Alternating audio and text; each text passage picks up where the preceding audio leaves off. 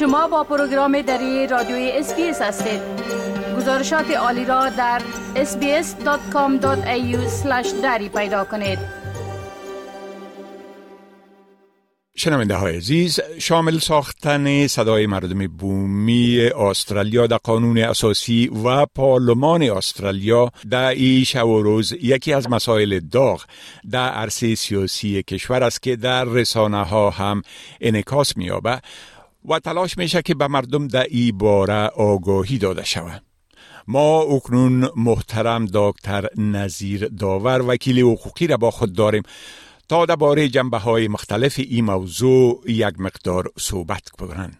دکتر صاحب داور با عرض سلام. خب اولتر از همه اگر بگوین که هدف از شامل ساختن صدای بومیا در قانون اساسی و پارلمان چی است و این اقدام چی اهمیت و منفعت برای مردم Aboriginal و ساکنین تنگه Torres Strait دارند تشکر شکیب سه ما هم به خود سلام های خدا خدمت شما و خدمت همه هموطنهای ما که صدای ما را در هر جای دنیا و در استرالیا میشنون تقدیم می‌کنم. بله طور که شما گفتین در این روزا مسئله در Indigenous Voice زیاد در media هست و مورد بحث است و یک مسئله بسیار مهم است برای مردم بومی کشور ما که مین یکی از وعده هایی بود که انتونی البنیزی در کمپاین انتخاباتی خود به مردم وعده داده بود تا صدای رای که بتانه مردم بومی از کشور صدای خود بالا بکنه و هم نظریات خود پیشنهادات خود پروگرام های خود به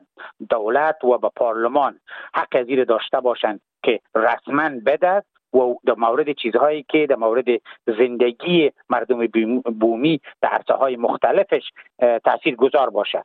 چی از لحاظ مسائل اجتماعی باشه چی از لحاظ مسائل روحانیشان باشه مسائل مذهبیشان چی اقتصادی چی رفاه عامه صحت سلامت اینکارسریشن کسانی که در تعداد مردمشان که در زندان ها هستند همه عرصه های مختلف زندگی بومی را بی به اصطلاح advisory body یا the voice که به اصطلاح پیشنهاد شده که این ارگان می‌خواهد دولتی را ایجاد بکنه و که بتانه مشوره های را برای پارلمان و دولت استرالیا بده که دولت استرالیا او را در تصمیم گیری خود و در پلانگذاری خود مد نظر بگیره. این باید یادآور شوم این ارگانی که جور میشه the voice کدام ارگان سیومی نیست.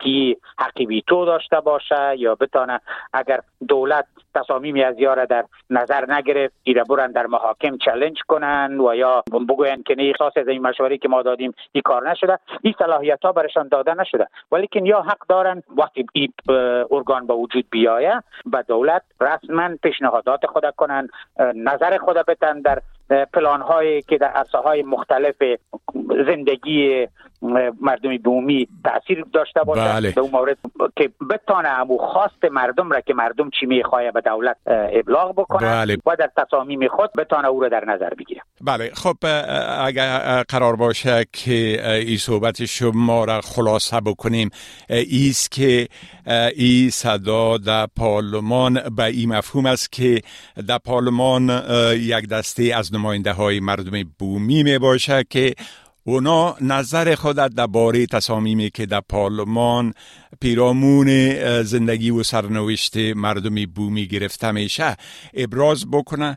این حال اگر شما لطفا بگوین که صلاحیت ای مردم در پارلمان در چی حدود است و همچنان چی پیشنهاد شده که چی تعداد از مردم بومی به نمایندگی از همه بومی ها در پارلمان به حیث ای صدای بومی ها جا داشته باشند شکیب سب طوری که شما گفتین اصلا ای در پارلمان صلاحیت خاص را ندارن.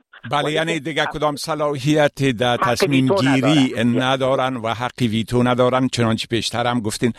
گفتین که چند نفر پیشنهاد شده؟ شکیب صاحب اصلا خود Indigenous Voice ریشش اگر ما ارزیابی بکنیم از کالما report گرفته شده. کالما report یک report ی بود که توسط پروفسور لنگتن و کالما دو پروفسورایی بودن که در 2019 تقریبا در 18 ماه یا یک نظرخواهی کردن و او رو به وجود آوردن پیشنهادات را کردن. در او پروگرام در او report 24 نفر امی board بالاییشان هست و 162 تا 164 حوزه مختلف برش تعیین شده که یک ارگان داشته باشد. تا بتانه با local government middle level government و پارلمان و دولت فدرالی و ایالتی بتانه در تماس باشن و مشوره های خود بتن فعلا خاکه‌یش هم یک چیزی هست. بله. و ای همچنان از The Uluru Statement from the Heart سرچشمه گرفت. بله؟ بله وقتی که ریپورت آماده شد دنیا از ریشی از تشویق شده. ریکومندیشن خود ریپورت هم هست و بله بله. استیتمنت هم ای یک پارتش بود. بله بسیار خوب. در کمپانی انتخاباتی خودی را قبول کرد که عملی می‌کنه بله. خب چنانچه شما گفتین ای اقدام یکی از وعده های انتخاباتی حکومت انتونی البنیزی است و همین علت است که حکومت راه اندازی یک نظرخواهی عمومی را در این مورد روی دست داره و طبعا حکومت همراه با اشخاص منفرد و سازمان های اجتماعی بومی ها مردم تشویق می‌کنن که در این نظرخواهی عمومی یا رفرندم رای مثبت بتن. ولی ایده دیگه به شمول اکثریت قاطع از اعضای احزاب دست راستی مخالف حکومت و همچنان تعداد از شخصیت ها و نهادهای بومی با این کار مخالف هستند و می‌خواهند که به این اقدام نه گفته شود. میشه که در این مورد به صورت بسیار خلاصه بگوییم که استدلال دو طرف چی است؟ تشکر. شکیب سیب چیزی که شما گفتین کاملا دقیق است. من نمی‌خوایم رو تکرار بکنم. ولیکن وقتی که دولت پیشنهاد می‌کنه که به حیث یک ارگان بیاید سهم بگیره در تصمیم گیری ها به عنوان یک کسی که به اصطلاح ویل یا نظر مردم اندیجنس که یا نماینده هایش خواد بودن به دولت پیشنهاد بکنن. طرف مقابل میگه که نه این کافی نیست. یک دی مردم های بومی به این نظر هستند که دولت باید با مردم بومی معاهده را مثل که در بعض کشورهای دیگه هست امضا بکنه تا مردم بومی کشور خودشان autonomy یا خود ارادیت را داشته باشند اما sovereignty تصامیم خود که در همه تصامیمی که در امور زندگیشان تاثیر گذار باشه خودشان یا تصمیم های خود بگیرن بله. و در پالیسی اپوزیشن لیبرال هم تقریبا position را داره که میگنی معلومات هایی که شما میدین ای باید به نظر خواهی نره. ای هنوز کافی نیست معلومات بیشتر باید داده شود. ولیکن در پهلوش حکومت البنیزی ایره میگن که خب ایره به حیث قدم اول ما پیشنهاد می‌کنیم. بعدا این می‌تونه به اصطلاح استپسون برای به اصطلاح تهداب برای از این شود که اگه بتانه استرالیا به طرف امو معاهده پیش بره و یک خود ارادیتی در یک زمان برای مردم بومی از کشور داده شود. تقریبا بله. اگر خلاصه کرده باشم امی دیالوگ هر دو طرف همی چیزه بسیار خوب بسیار تشکر. خب می‌تونین بگوین که چرا در مورد شامل ساختن صدای بومی ها در قانون اساسی و پارلمان نظرخواهی عمومی یا رفرندم میشه و خود پارلمان که متشکل از نماینده های مردم است درباره او تصمیم نمی‌گیره. صد این یک مسئله قانونی هست یه مسئله عدلی است. در قوانین ما هرگاه اگر ما تغییری را در قانون اساسی میاریم این از صلاحیت پارلمان بالاتر است باید نظرخواهی عمومی شود.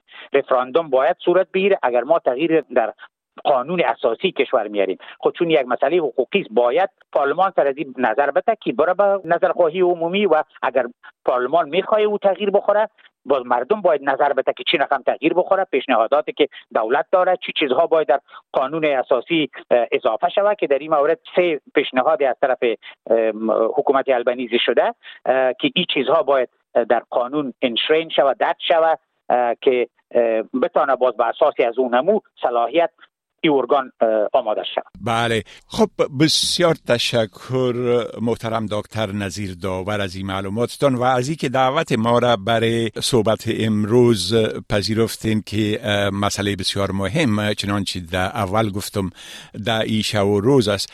از شما یک جهان تشکر و برتان موفقیت می خواهیم جهان سپاس آقای شکیب.